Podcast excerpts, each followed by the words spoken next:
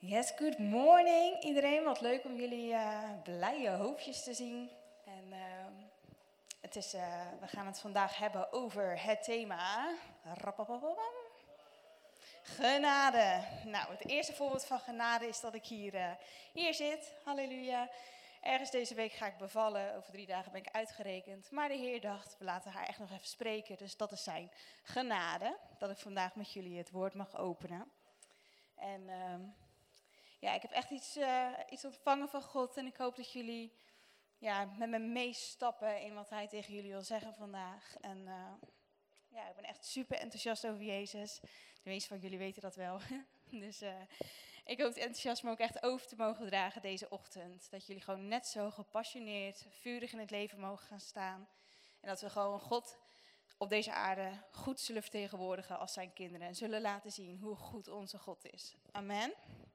Amen. Oké, vandaag wil ik het eigenlijk gaan hebben over drie levels van genade. Drie momenten eigenlijk in je leven waarin je groeit in genade, waarin je de genade van God leert kennen. Dus we gaan het hebben over nou, leven door genade. Het feit dat je hier zit is genade. We gaan het hebben over het leven vanuit genade. Dus dat je gaat leven vanuit een nieuwe schepping, vanuit je identiteit. En dat je gaat leven voor genade. Dus dat je ja, gaat leven voor Jezus. Ik dan weten jullie vast welke kant ik uh, op ga. En de, als je aantekeningen maakt, dan heet het genade is gratis, maar niet goedkoop. Dus die mag je even opschrijven. Yes. Ik wilde eigenlijk in het begin gewoon even een korte vraag beantwoorden. Waarom heb ik eigenlijk genade nodig? Weet je al, heel veel mensen zeggen wel eens van, ja, ja, Jezus, waarom heb ik Jezus nodig? Nou, Jezus is de genade, Jezus is de goedheid van God. En waarom heb je Jezus nodig? Dus even in een notendop evangelie. Waarom heb je Jezus nodig? God heeft jou gemaakt, had ons gemaakt, heeft in de schepping bedacht. Ik maak de mens om relatie te hebben, om intiem te zijn, om gewoon uh, mijn liefde te laten zien. Hij wandelde met de mens door de tuin en hij had echt een hechte vriendschap met de mens. En hij had natuurlijk wel regels gegeven, alles mochten ze doen. Maar God heeft zoveel waarde gehecht aan een vrije keus. Een vrije keus is pure liefde. En daarom zei hij, weet je, je mag van alles doen, maar eet gewoon niet van die boom. Want dan zal je voor zeker sterven. Ze waren ongehoorzaam, aten van de boom, omdat de duivel zegt, joh, doe het. Dat is helemaal niet waar, doe gewoon. Uh, maar inderdaad, ze stierven. En wat stierf nou eigenlijk bij hun? Dat was de goddelijke natuur. Ze waren gemaakt in de gelijkenis, in de moral likeness van, van God. En dat stierf eigenlijk in ze. En daardoor kon God gewoon niet meer die relatie hebben met ze. Ze misten de connectie. God wilde heel graag, maar het lukt gewoon niet meer. Weet je, als God 100% heilig en goed en fantastisch is en een mens niet, want er kwam zonde in zijn leven. Hij wilde dingen doen die God niet zou willen dat we doen. Ja, dat zie je toch ook wel eens bij kinderen. Hè? Kijk, ja, ik, heb, uh, ik heb kinderen en die doen soms wel eens dingen die ze niet mogen doen. dat zit gewoon een beetje in ons soms. Ik denk dat je uh, nou, in je eigen leven kan denken dat je denkt, oh ja, oh ja, heb ik ooit goed naar mijn ouders geluisterd. Ik denk dat je ook wel eens soms dingen deed dat je weet, dat hadden mijn ouders niet gewild. Maar die natuur kregen we omdat we afgescheiden waren eigenlijk van God. En we kunnen ook lezen in Romeinen 3 dat we allemaal gezondigd hebben. We hebben allemaal gezondigd en missen daardoor de heerlijkheid van God. Wat is die heerlijkheid van God? Dat is die goddelijke natuur. God had ons bekleed met zijn heerlijkheid, met zijn goedheid, met zijn genade eigenlijk. Omdat hij zich naar ons uit wil strekken. En allemaal missen we dat. Maar Jezus, halleluja. Jezus is gekomen om die goedheid in jouw leven weer te herstellen. Om jou weer te bekleden met heerlijkheid. Om jou weer te maken zoals God het altijd al bedoeld had, een kind van God te worden. En dat kunnen we ook gewoon lezen in Gods woord. Het is altijd zijn bedoeling geweest relatie te hebben met de mens, relatie te hebben met ons, intimiteit te hebben en zijn goedheid te laten zien. En ik wilde even lezen uit Jesaja 53, vers 5. Je mag het ook met me opzoeken als je wil. Jesaja 53, vers 5. Als je er bent, zeg je. Leuke term, je kan ook creatief zijn. Prijs de Heer, ik ben er. Of ja hoor. Amen. Nou, die is ook goed.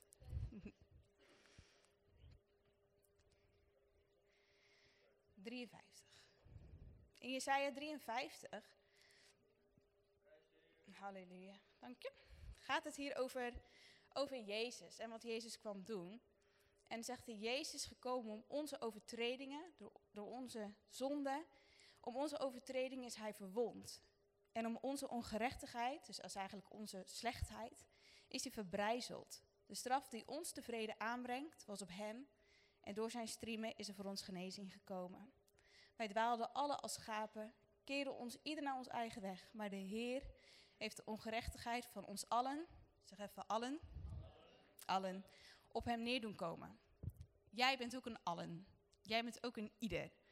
Weet je, Jezus is gestorven voor een ieder, voor een allen. Weet je, Jezus is aan het kruis gegaan, is kapot geslagen, is verbrijzeld voor jou, voor mij, voor een ieder. Voor een ieder heeft hij dit gedaan. En waarom? Dan staat er, hij kreeg de straf die ons vrede aanbrengt. Dus, door wat Jezus heeft gedaan, krijgen wij dus nu geen straf, maar krijgen wij vrede.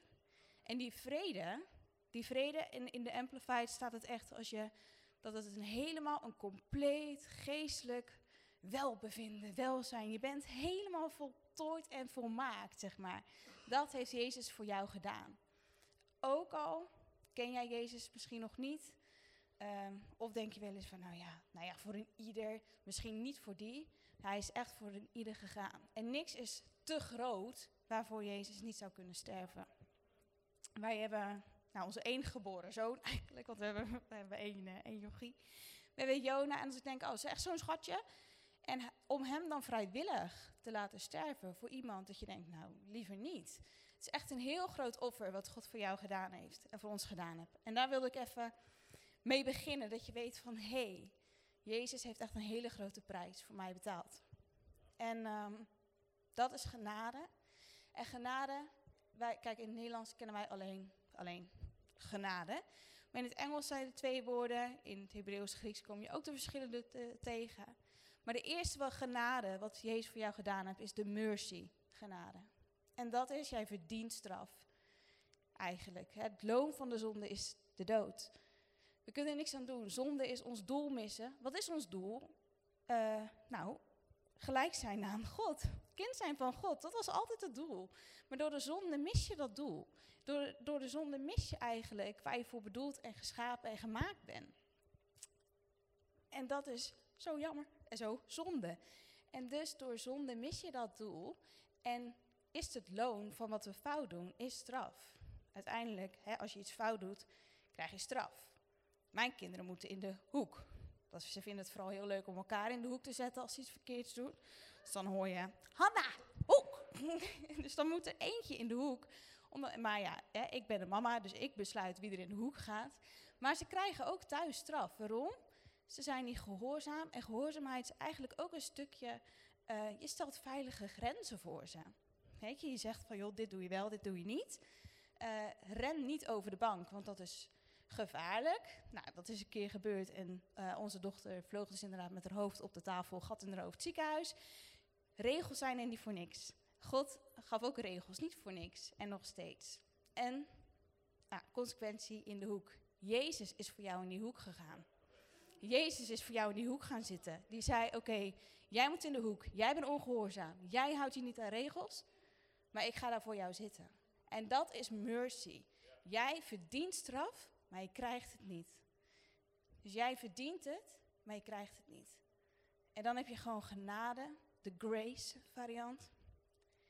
En dat is dat jij het nog steeds niet verdient, maar God geeft goedheid over goedheid. En vult je leven met nog meer goedheid. Ook al doen we het nog steeds wel eens mis, zijn we niet perfect. Maar hij wil en blijft altijd goede dingen geven. En God is een goede vader en wil het allerbeste voor jou. Dus puntje 1. Jongens, als je met me meeschrijft, leven door genade. Leven door genade. Dat je hier zit, is genade. Weet je, genade is de goedheid van God. God is de schepper van hemel en aard. Als hij de maan, sterretjes, aarde net iets anders neergezet had, hadden we hier niet eens kunnen zijn. Had het of te heet of te koud of geen zuurstof. Of het, zwaar, het klopte dan gewoon niet. Dus ze hebben ooit wetenschappelijk bekeken van nou, alles staat zo perfect. Als het net anders had gegaan, dan had de mens niet kunnen leven. Ik geloof dat God zijn genade al naar ons uitstrekt, ook al ken je hem nog niet. Want in openbaringen zegt God ook, niks is er zonder dat ik het had gewild. Het feit dat jij hier zit, is omdat jij gewild was door God. Is dat God jou tot bestaan heeft geroepen. En heeft gezegd, hé, hey, je bent al van mij, ik ken jou bij naam, ik heb je gemaakt, ik weet wie je bent. En hij zorgt nu al voor jou. En dat zie je doordat je misschien een huis hebt, je hebt misschien vrienden, een fiets, uh, je eet, hopelijk, want anders had je al die boterham met pindakaas mee naar huis genomen voor voorraad. God zorgt voor jou. Hij laat nu al zo goed uit voor jou zien, ook al ken je hem niet. En dat zien we ook gewoon in de Bijbel naar voren komen. Dus jullie mogen met mij opzoeken Romeinen 5, vers 6.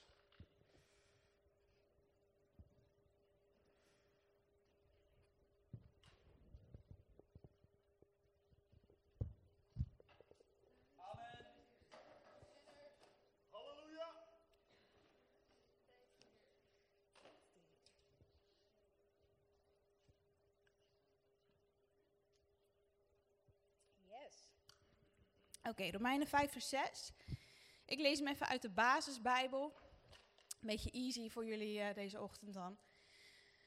En dan uh, in Romeinen 5 vers 6. Er staat op de tijd die God had bepaald, is Christus voor ons, voor jou dus, gestorven. Op dat moment waren we nog krachteloos. We trokken ons niets van God aan. Het is zo bijzonder dat iemand eigenlijk zijn leven wil geven om een goed mens te redden. Nou, misschien dat iemand daar moed voor heeft, maar Jezus Christus heeft zijn leven al gegeven voor jou, voor mij, toen we gewoon nog slecht waren en niks met hem te maken wilden hebben. En daarmee bewijst God hoeveel hij van ons houdt. Jezus stierf al voor jou, voor ieder mens, ook al wist hij, misschien wordt dit gewoon afgewezen. Sterf ik voor iemand die nooit ja tegen mij gaat zeggen. Maar Jezus deed dat toen al, ook al waren wij vijand van God. Ook al doen we de verkeerde dingen. Toen al was daar genade. Toen al was daar Jezus. En dan mogen jullie verder bladeren naar Efeze 1, vers 3.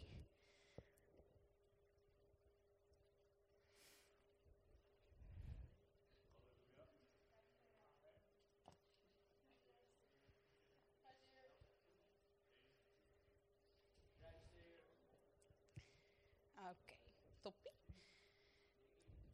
En die komt uh, uit het boek aan God de Vader van onze Jezus komt dank en eer toe.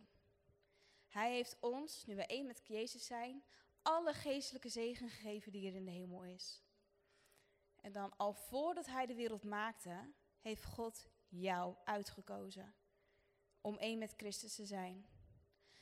Alle zouden in hem zijn en volmaakt zijn voor hem. Het is altijd zijn bedoeling geweest ons als kinderen aan te nemen door Jezus zodat we hem zouden prijzen voor zijn onovertroffen genade. En hij heeft ons door zijn geliefde zoon laten ervaren hoe buitengewoon goed hij is. Gods zoon heeft zijn leven en zijn bloed gegeven om ons van de zonde te verlossen. Alles wat wij hebben misdaan is daardoor vergeven. Wat een rijke genade. Ik vind het zo heerlijk dat het in het boek zo heerlijk die genade naar voren komt. Maar het is echt onovertroffen genade. Er is niks beters, mooiers, fantastischers. Datgene wat Jezus gedaan heeft voor jou. Om jouw leven te geven. En leven in overvloed. Hij is buitengewoon goed. En Gods zoon heeft zijn leven gegeven aan het kruis. Om, uh, om ons echt van die zonde te verlossen. Om ons vrij te maken. Om ons die nieuwe natuur te geven. En deze genade is gratis. Want het is een cadeau. En een cadeau kan je niks voor doen. Kan je niet voor werken, kan je niet je best voor doen, kan je niet... Je moet gewoon alleen ja of nee zeggen. Als iemand jou iets geeft, zeg je gewoon... hey, wil jij een goodie bag? En dan zeg je ja, ja of nee. En in die goodie bag zitten hele leuke dingen. Je kan het afwijzen. Maar je kan zeggen, nou, vind ik wel tof. Wie weet wat er allemaal in die goodie bag zit. Want deze goodie bag is niet goedkoop. het kostte niet. Het was een hele dure prijs die betaald is om die goodie bag voor jouw leven te vullen. Jezus heeft zijn leven echt gegeven. Het kostte een mensenleven om ja te zeggen tegen dit cadeau. En daarvan kom ik uit op mijn punt 2, leven vanuit de genade. En ik denk, deze jongens die doen uh, iets super tofs. Hè? Die praten gewoon gezellig door mij heen. Die vinden het gewoon niet zo interessant wat ik te vertellen heb. Dus eigenlijk verdienen jullie het om in de hoek gezet te worden, toch? Mijn kids zouden zeggen, hé, hey, in de hoek. Je luistert niet naar mijn moeder. Terwijl je zou moeten luisteren. Correct? Oké, nou dat is dus mercy, want je hoeft voor mij nu niet in de hoek, want Jezus is voor jou in de hoek gezet. En om jou nog wat extra bij te staan, krijgen jullie nog een rolletje mentos van mij. Want dat is wat Jezus doet. Je verdient het absoluut niet. Absoluut niet verdienen jullie iets goeds, omdat jullie eigenlijk ongehoorzaam zijn, niet luisteren, regels overtreden en rebelleren tijdens een preek. Yes? Maar je wordt beloond omdat Jezus gewoon goed is. En ook al houden we ons niet aan de regels en zijn we niet perfect, dan nog strekt zijn genade, zijn goedheid het naar je uit. Dus dit was even mijn praktische voorbeeld. De jongens verdienen het om gewoon straf te krijgen. Krijgen ze niet, dat is de mercy. En ze krijgen de genade, ze krijgen de goedheid van God in hun leven uitgereikt, terwijl ze het ook niet verdienen. Nou, dat je... nou, halleluja, heel goed. Dat vind ik dan wel weer een goeie, want dat is ook iets wat je zou moeten doen met genade. Je hebt het uh, vrij gekregen en geef het vrij ook weer uit. Deel 2. Leven vanuit genade.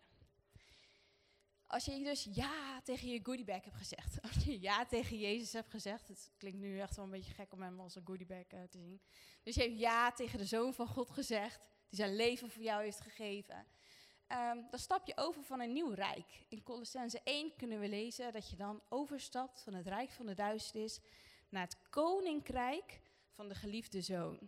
En dan zit je dus in het nieuwe gebied, zeg maar. Hè? Taking territory, dus je wordt in een nieuw gebied gezet, je wordt in een nieuwe plek gezet. En dan um, ja, ben je nieuw geworden. En ik geloof echt, als je dat doet, als je gaat leven vanuit genade. Ik geloof leven vanuit genade begint met dopen. Begint eigenlijk met de waterdoop. Nergens in de Bijbel zag je dat mensen zeiden: Oh ja, kies voor Jezus. En dan als ze 45 waren, dachten ze: Nou, nou ben ik volwassen genoeg om me te laten dopen. Nu ben ik ineens klaar voor. Het is eigenlijk een stap die erbij hoort. Jij zegt ja en je duikt en je plonst, zeg maar. Altijd in de Bijbel zag je dat. Ze zeiden ja tegen Jezus en dan zegt de Ethiopiër, hé, hey, waar is water? Waar kan ik me laten dopen? En ook in handelingen zeggen ze, wat moeten we doen? Bekeer je, laat je dopen. En doop is zo ontzettend belangrijk. En waarom? Nou, dat ga ik even uitleggen aan jullie. Ik geloof, Jezus zegt het zelf ook in Johannes 3, als hij aan Nicodemus uitprobeert te leggen over het koninkrijk van God, zegt je kan het koninkrijk van God gewoon niet zien als je niet door water en door geest geboren wordt. Je kan er gewoon niet handig in bewegen. En in Colossense 2 vers 12 zegt Paulus ook, toen u gedoopt werd, tada, ben je met hem begraven en tot leven gewekt. U was dood door je zonde, maar God heb je samen met Christus levend gemaakt om je zonde kwijt te schelden. En ik geloof dat dat ook iets is, als je laat dopen, dat dan echt die zonderschuld, het zondaarschap, wordt van je afgebroken. Op dat moment ben jij niet meer die persoon. Ben je van nieuw, ga je van oud naar nieuw. En die stap is eigenlijk wel echt nodig om te maken om vanuit genade te gaan leven. Anders blijf je in veroordeling. Dan denk je steeds, oeh, ik mis het. En blijf je in je eigen werk. Terwijl Jezus zoveel beters voor je heeft. Dus ik wil met jullie kijken naar Romeinen 6. Dus blader maar even richting Romeinen 6.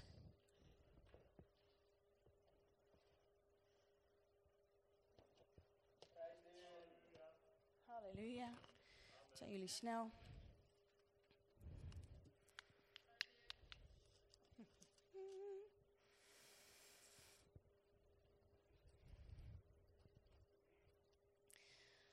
Gewoon Romeinen 6. En dan, we beginnen gewoon in vers 1. Um, en je kan eigenlijk heel, heel Romein is echt heerlijk als je zegt van, oh, ik wil thuis nog even doorstuderen over de genade. Dan duik je gewoon in Romeinen. Dat is altijd wel een, eh, een handige.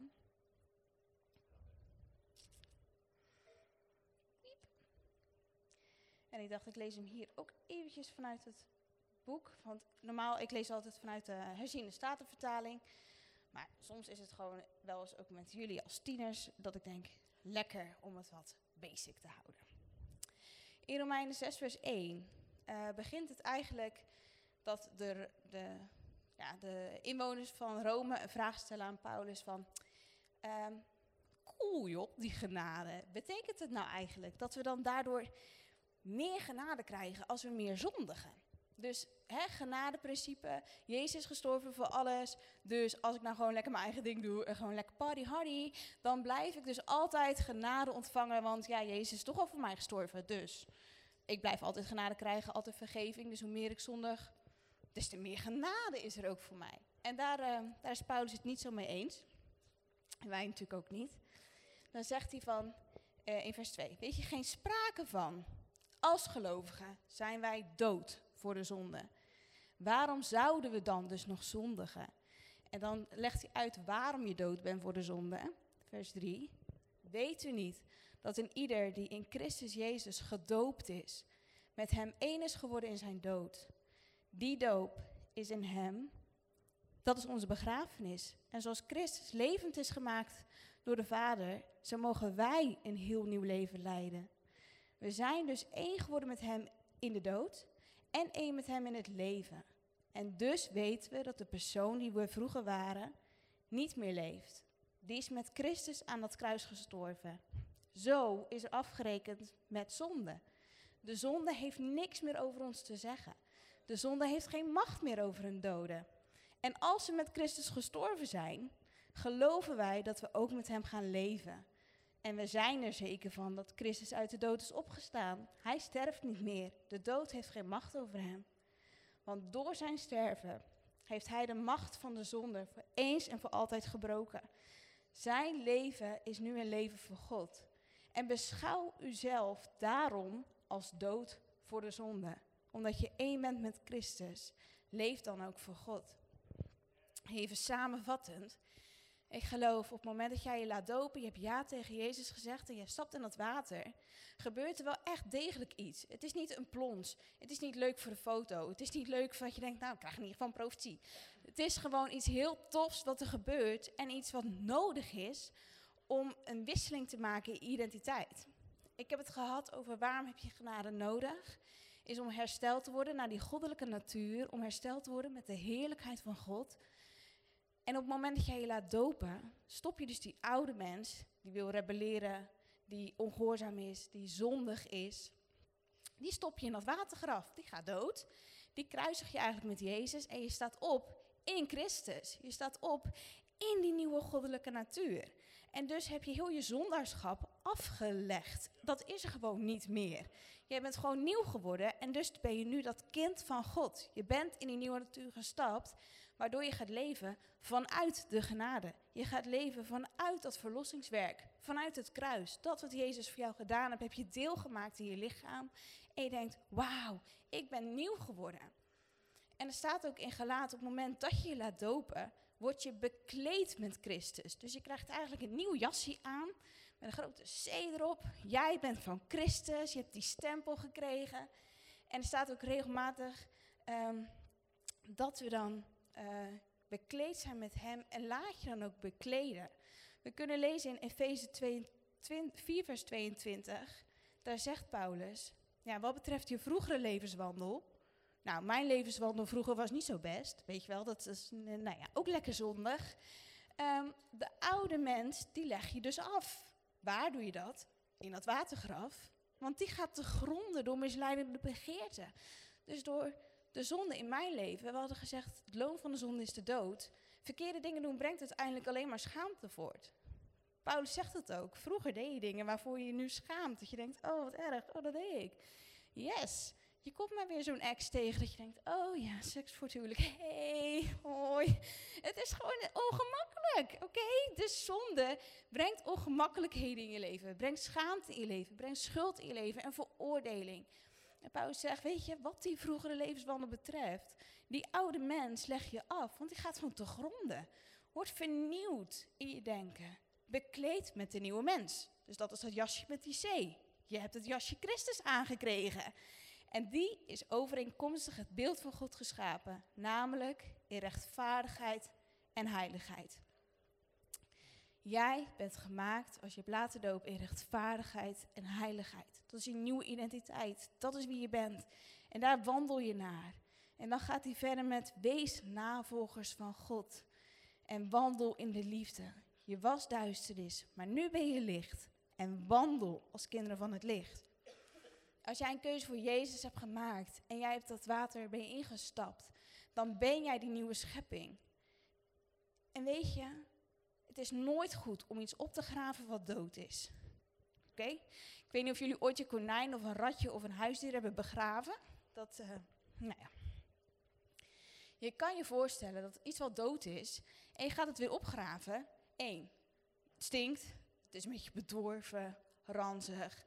En nou, als je dat weer aantrekt, kan je je ook voorstellen wat er gebeurt. Het gevolg is dat je ook dingen aantrekt die houden van ranzige dode dingen. Bijvoorbeeld aasgieren of zo. Iets wat leeft op dood. Op het moment dat jij je oude mens weer aantrekt, trek je dat ook eigenlijk weer aan. Trek je die macht van de zonde weer aan. En dan zit je weer te worstelen. Dat je denkt, oh, ik heb geen overwinning over mijn zonde. Nee, je hebt je iets ouds heb je aangetrokken wat dood is. Leg het terug. En ik geloof echt dat het voor een paar van jullie is vandaag. Dat je denkt, oh, elke keer verval ik opnieuw in zonde. Ik zit erin vast, ik zit erin verstrikt. Zonde heeft geen macht meer, staat hier. Op het moment dat jij gedoopt bent, heeft het geen macht meer. Het is overwonnen. Het heeft geen kracht. Het enige macht die het heeft, is als jij weer in een oud jasje stapt, dingen gaat doen die niet bij jouw natuur passen en vast komt te zitten. En vandaag is gewoon de dag dat je zegt, hey, dat ding is vast dood. En dat blijft dood. Oké, ik stop het gewoon weer terug waar het was. Je hoeft echt niet opnieuw onder. Dat is één keer gebeurd. Halleluja, dat is prima. Maar dat je weet, hé, die zonde heeft geen macht meer. Ik ben die nieuwe natuur geworden. En zo is het een beetje als voorbeeld, vond het wel een mooi voorbeeld, ehm, dat die waterdoop belangrijk is, is dat je je gewoon laat reinigen. Want heb je wel eens in een restaurant gezeten met een vork, dat je dacht, die, uh, die, uh, die is niet in de vaatwasser geweest. Ja, ja, heb ik ook dus een keer gehad, hè. Dus dan zie je nog van die vieze, vette vingerafdrukken op zo'n vork. En er zitten nog een beetje etensresten hier en daar. En je weet gewoon, die is bij een ander in de mond geweest. En je zit al waarschijnlijk een beetje voor te stellen hoe die persoon eruit zou moeten hebben gezien. Je denkt ook niet gelijk dat het een hele leuke, bijzondere, mooie dame was. Je ziet gelijk iets andersoortig persoon voor je, denk ik. Het meest vieze bij zo'n vieze vork. En zo is het in ons leven ook. God zegt, jullie, ik, ben, ik wil je gebruiken als instrument. Je bent mijn instrument, mijn koninkrijk. Je bent een werktuig. Het is wel fijn als het werktuig dus eerst in de vaatwasser is geweest... voordat het gebruikt wordt voor koninkrijk bouwen, oké? Want hij wil geen vies vorkje die al gebruikt is en overal is geweest. Dus zie jezelf als die vork die lekker in de vaatwasser gaat, die schoon eruit komt en gebruikt kan worden in dienst van de Heer. Amen. Halleluja. Dus ik wilde echt mee zeggen, en niet prijzen als je je hebt laten dopen. Jezus heeft die prijs betaald dat jij dus die nieuwe schepping bent, dat jij nu goddelijk bent, dat jij in die nieuwe natuur wandelt. En die prijs was dus niet goedkoop. Hij is gratis, hè, nog steeds. Jezus heeft dat voor ons gedaan. Want als God een plan B had gehad, had echt heel triest geweest. Want dan kunnen wij zelf het verdienen. En dan zeggen we, oh Jezus, hey, bedankt man dat je helemaal kapot hebt laten slaan. Maar ik denk dat ik het even anders doe. Dat werkt ook. Werkt niet, oké? Jezus heeft echt heftig geleden voor jou. Wie heeft hij wel eens de Passion gezien? Nou, dat zijn nog niet eens zo heel veel handen. Oké.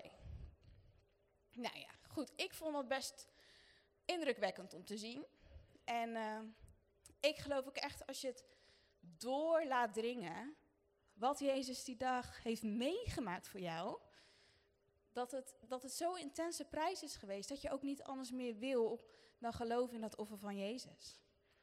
Je, hij liet zich helemaal kapot slaan. Het was niet een stokslag of zo, of een zweepje die je ziet bij een paard. Ze hadden heftige martelwerktuigen, die Romeinen. En er staat ook in Jezaja dat hij hing aan een kruis. Hij was niet eens meer mens. Er was bijna niks meer aan te zien dat je denkt, nou, dat ziet er nog een beetje menselijk uit. Omdat hij gewoon helemaal verbrijzeld en verscheurd en vernederd was voor jou. Daarom hing hij daar, voor jou. En dat was een hele hoge prijs om te betalen. En ik geloof als het echt, tenminste bij mij was dat zo. Ik leefde gewoon een beetje lauwig voor God. Gewoon een beetje, oh ja, ik ben christen. Maar toen ineens dat besef van dat verlossingswerk, dat kruiswerk in mijn leven kwam, dacht ik, ik kan echt niet zo met genade omgaan. Genade is niet goedkoop. Dat ik gewoon weer kan stappen, kan zuipen, mijn zonnige ding kan doen. Zeggen, oh, sorry heer, thanks man voor uw vergeving. Omdat, je, omdat die prijs was zo intens, hoog. Hij heeft zo geleden om mij vrij te maken dat het zonde is, dat het gewoon jammer is als je het, als je het een beetje ziet als, ja, oh ja, Jezus ging aan het kruis. ja. Nee, Jezus ging echt aan een kruis voor jou om te lijden, om te sterven. Een straf die jij verdient en die je nu niet krijgt. En dat je echt in dankbaarheid dat leven met Jezus mag gaan leven. Je bent Gods gerechtigheid geworden. En uh, je, je mag, gewoon vrij zijn van die zonde. En niet opnieuw dat slavenjuk op je leggen. Niet opnieuw stappen daarin. Gewoon vrij zijn in Jezus. En dan kom ik op mijn punt drie. Dat is leven voor de genade. Ik geloof dat jullie nu al een beetje gehoord hebben wat genade is. Hè? De goedheid van God.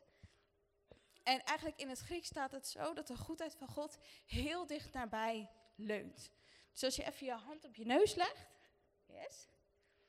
Oké, dan heb je het idee dat je heel dicht bij je gezicht bent, hè? Toch? Maar er zit altijd nog een beetje ruimte. Zo dicht in die ruimte, daar zit nog de goedheid van God. Zo dichtbij is God gekomen. Zo dichtbij uh, leunt Hij naar voren om Zijn goedheid in jouw leven te laten zien. En ik geloof dat die genade, Jezus is genade. Jezus is het beeld van de goedheid en de liefde van God voor jou en voor mij. Want door Jezus ontvangen we zoveel. We hadden het gelezen in Efeze 1 dat we nu gezegend zijn met alle geestelijke zegen in de hemel. Yo, ik kan me niet eens voorstellen wat het allemaal in zou houden. Ik ben heel benieuwd en daar wil ik in groeien. En gelukkig zegt Petrus dat het kan. Dus in 2 Petrus 3 vers 18 zegt Petrus, groei in de genade. Dus groei in de goedheid van God. Groei in de genade, in de kennis van onze Here en zaligmaker Jezus Christus. Weet je, ik wil heel graag een leven leiden waar God trots op is. En als we hier bij de jeugd zitten en we hebben het over taking your territory en we gaan het nog echt hebben over super toffe onderwerpen, zoals een stukje genezing en het innemen van die vrijheden en we hebben het over autoriteit gehad joh, ik wil alleen maar toenemen in kracht. Ik wil alleen maar meer God in mijn leven. Alleen maar hongeriger en vuriger zijn. Dat is iets waar de wereld op wacht. Heel, de Bijbel zegt ook, heel de schepping kijkt uit naar de kinderen van God. Ben jij in je leven dat mensen zien, oh wow, dat is zo'n navolger van God. Dat betekent dat je dezelfde dingen gaat doen. En meer nog, Jezus zegt, jullie gaan veel, veel meer doen dan ik. En dat je denkt, oh wow, Jezus deed al zoveel. Maar hij wil dat we nog meer gaan doen. En daar mag je dus in gaan groeien. En ik wil dus heel graag dat leven leiden uh, waar God trots op is. En uh, ik wil met jullie daarom lezen in Colossense 1 vers 9. Dus dat mogen jullie nog even opzoeken.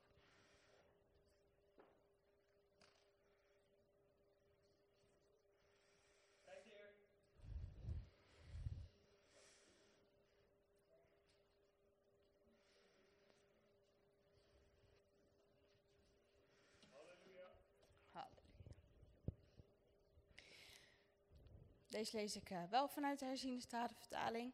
En er staat echt heel veel in, die tekst. Dus ik zal hem even dadelijk uh, knippen en plakken. Colossense 1 vers 9. Daar bidt Paulus voor de mensen in Colosse. En hij zegt dat je dan vervuld mag worden met de kennis van zijn wil. In alle wijsheid en geestelijk inzicht. Zodat je wandelt op een wijze de Heere waardig hem in alles behaagt, elk goed werk vrucht draagt en groeit in de kennis van God. Terwijl u met alle kracht bekrachtigd wordt, overeenkomstig de sterkte van zijn heerlijkheid, om met blijdschap in alles te volharden en geduld te oefenen. Dat je vervuld mag worden met de kennis van zijn wil. Ik geloof dat, we, dat God verlangt dat we weten wat hij wil. Weet je, die, die man die melaats was, die zei tegen Jezus, ja, if you are willing, als u het wil, kan u mij reinigen. Het is zo belangrijk dat wij als kind van God weten wat Hij wil. Dat we in Zijn wil stappen. Dat we weten dat God wil genezen. Dat God wil bevrijden. Dat God wil redden. Dat God een goed God is. En, zo, en die kennis, opnieuw is dat een woordje kennis die je alleen maar kan krijgen door persoonlijke ervaring. Door tijd, door relatie. Door te weten wat Zijn wil is. Waar wordt God blij van? Zodat dat je dan wandelt op een wijze de Heere waardig. Dat hij blij met jou is, dat je hem behaagt. Dat je, en doordat je dat doet, staat er groeien in de kennis van God. Dus je, hm, dus je hebt relatie met God, je groeit dus in de kennis met God over wat hij wil. En als je dan gaat doen wat hij wil, groei je nog meer in weten wat hij wil. Dan groei je nog meer in de kennis. En terwijl je daarmee bezig bent, vind ik ook heerlijk dat dan dat woordje er in de HSV staat. En terwijl wordt u met alle kracht bekrachtigd.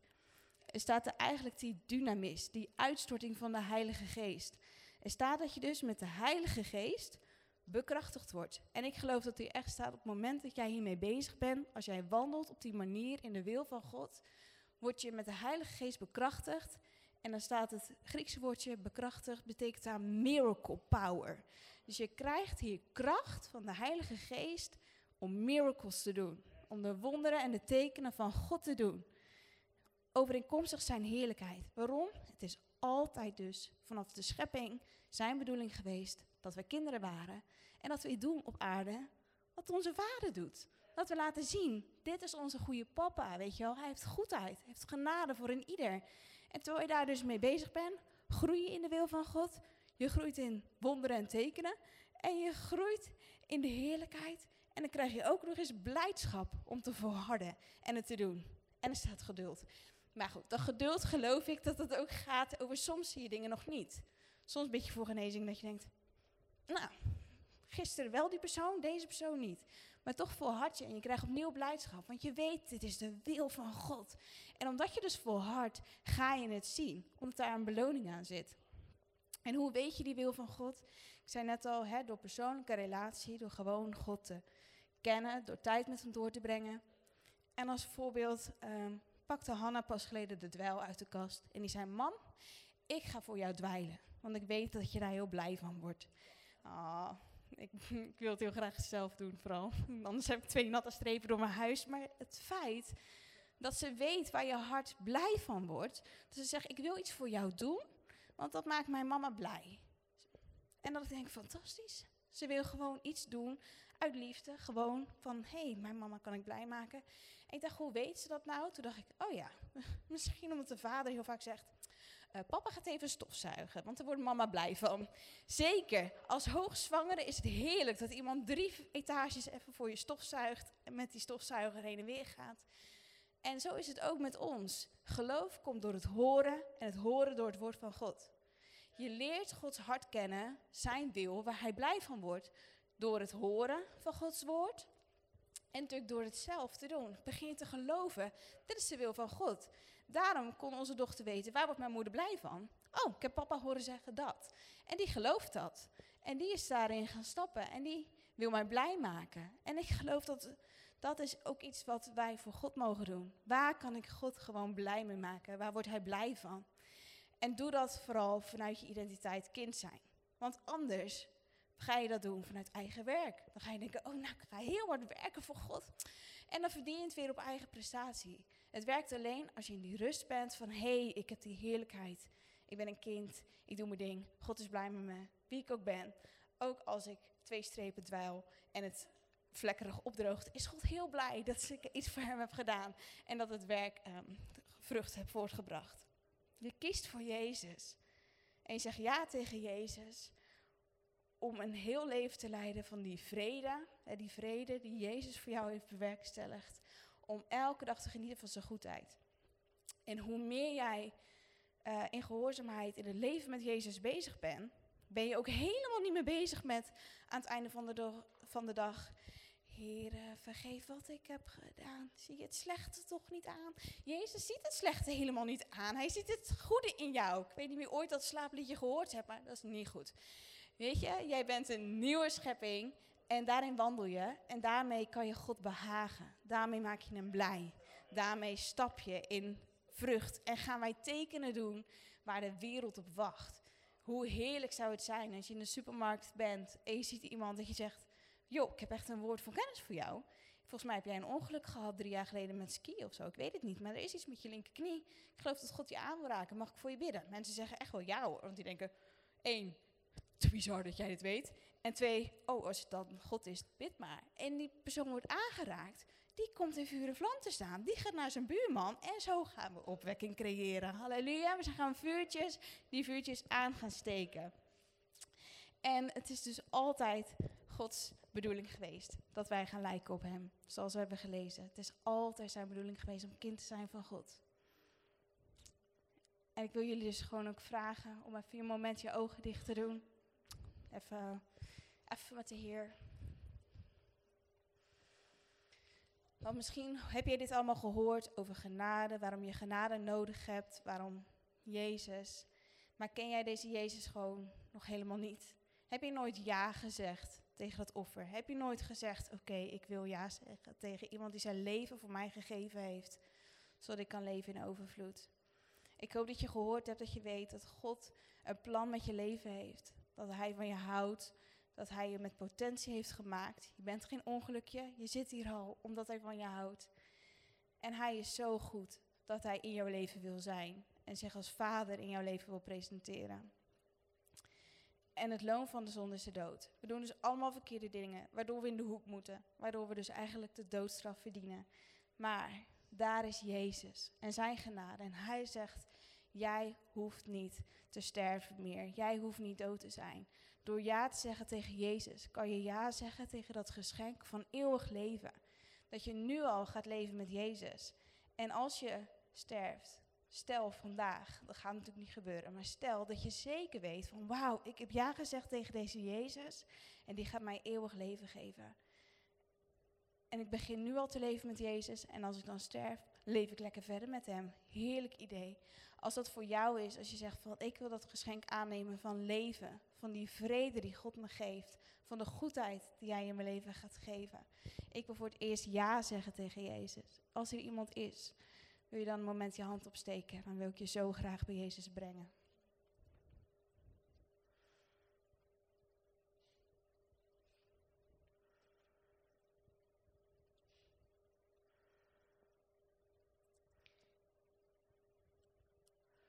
En ook als je het spannend vindt, blijft altijd die oproep open. Dat je na de dienst zegt van, joh, al die mensen. We hebben hier allemaal gezeten. We hebben allemaal ooit misschien die keus gemaakt. Maar die, die uitnodiging staat open om gewoon voor het eerst in je leven ja te zeggen tegen Jezus. En het tweede wat ik wil doen, is dat ik gewoon graag met jullie avondmaal wil vieren. Waarom? Zodat je gewoon even op je stoel zelf met Jezus kan zitten. En opnieuw je hart laat vullen met dankbaarheid voor dat offer wat hij gedaan heeft. Dat hij de straf op zich heeft genomen en dat hij iedere dag opnieuw goedheid in jou wil laten zien. En misschien zit je wel in dat puntje 2, het level van genade. Dat je leeft vanuit genade, maar dat je denkt, hé, hey, die zonde heeft weer de macht over mij gekregen. Ik ben gewoon in oude patronen gestapt. Ik heb mijn oude levenswandel gewoon weer gedaan. Ik ben weer gelijkvormig geworden aan de wereld en niet vernieuwd door wat God eigenlijk zou willen. Dat je vandaag een keus maakt van, hé, hey, dat oude, dat gooi ik er weer af. Ik heb Jezus aan. Ik ben bekleed met Christus. Dat je weer opnieuw vaststapt in die identiteit en weet dat je de gerechtigheid van God geworden bent, waar de zonde geen macht meer over je zou kunnen hebben. En misschien worstel je daar helemaal niet meer mee, maar zeg je, maar ik wil gewoon dieper met Jezus. Ik wil gaan leven voor die genade. Ik wil mijn leven op dat altaar leggen. Ik wil groeien in die kennis van God. Ik wil zijn wil kennen voor mijn leven. Ik wil gewoon een vurig christendiscipeltje zijn van Jezus. Dat je het op die manier je avondmaal viert en dankbaar bent. Dat door dat bloed, door dat offer van Jezus, door die genade, dat je dat kan zijn. Dus uh, heb, ik, uh, heb ik uitdelers? Mag gewoon even door de rij hoor. Oh, mag ik er zelf nog? Ja, dank u. Yes.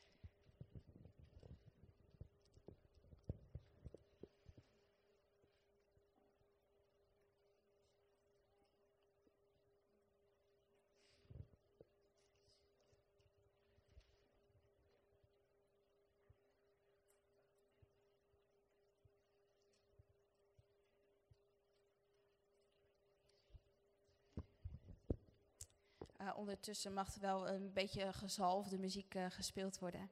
Dat, uh, horen we dat gekraak ook niet zo.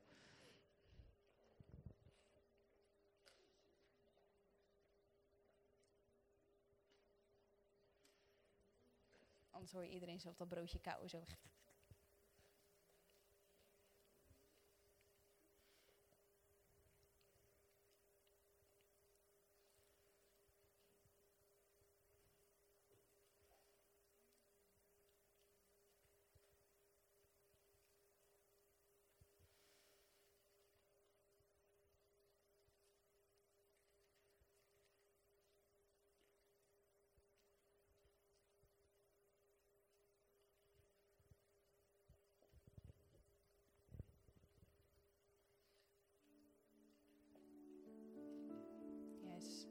Ik bid een, eh, een moment uh, voor het offer.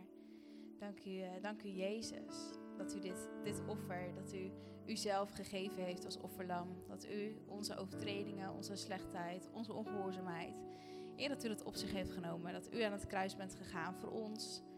Dat dat echt pure genade en goedheid is geweest. Dank u dat u elke dag opnieuw die goedheid in ons leven wilt tonen en wil laten zien. En dat, was, uh, ja, dat u uw lichaam gebroken heeft voor ons, omdat in uw striemen onze genezing geworden is. Eer dat we genezing ontvangen door wat u gedaan heeft. Dank u wel dat we verlossing hebben van onze zonde door het bloed. Eer dat u alles kwijt heeft gescholden en dat we gewoon vandaag daarbij stil mogen staan. Wauw, Jezus. Ik heb een geweldig tof nieuw leven met u door wat u heeft gedaan. En dat we dat in herinnering nemen. Dank u, Heer.